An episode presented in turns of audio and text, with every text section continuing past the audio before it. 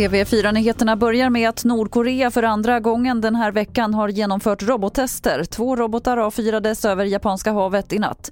Nordkorea säger att de gör så för att USA och Sydkorea haft gemensamma militärövningar. Samtidigt har FNs säkerhetsråd inte lyckats enas om några åtgärder mot Nordkorea.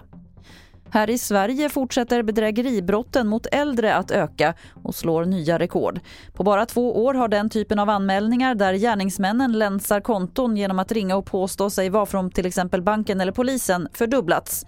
Jan Friberg på bedrägerisektionen hos polisen.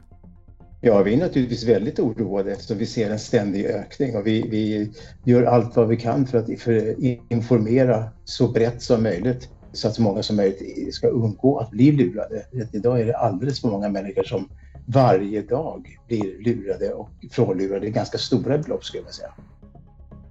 Till sist kan vi berätta att en anställd på polisen i Bergslagen har fått en disciplinpåföljd efter att hon förhört en pojke på sin fritid. Det rapporterar lokala medier. Kvinnan ska ha åkt hem till pojken efter att hennes dotter sagt att han utsatt henne för ett brott och spelat in förhöret på sin tjänstetelefon. Påföljden blev löneavdrag på 25% under fem dagar. Fler nyheter finns på tv4.se. Jag heter Lotta Wall.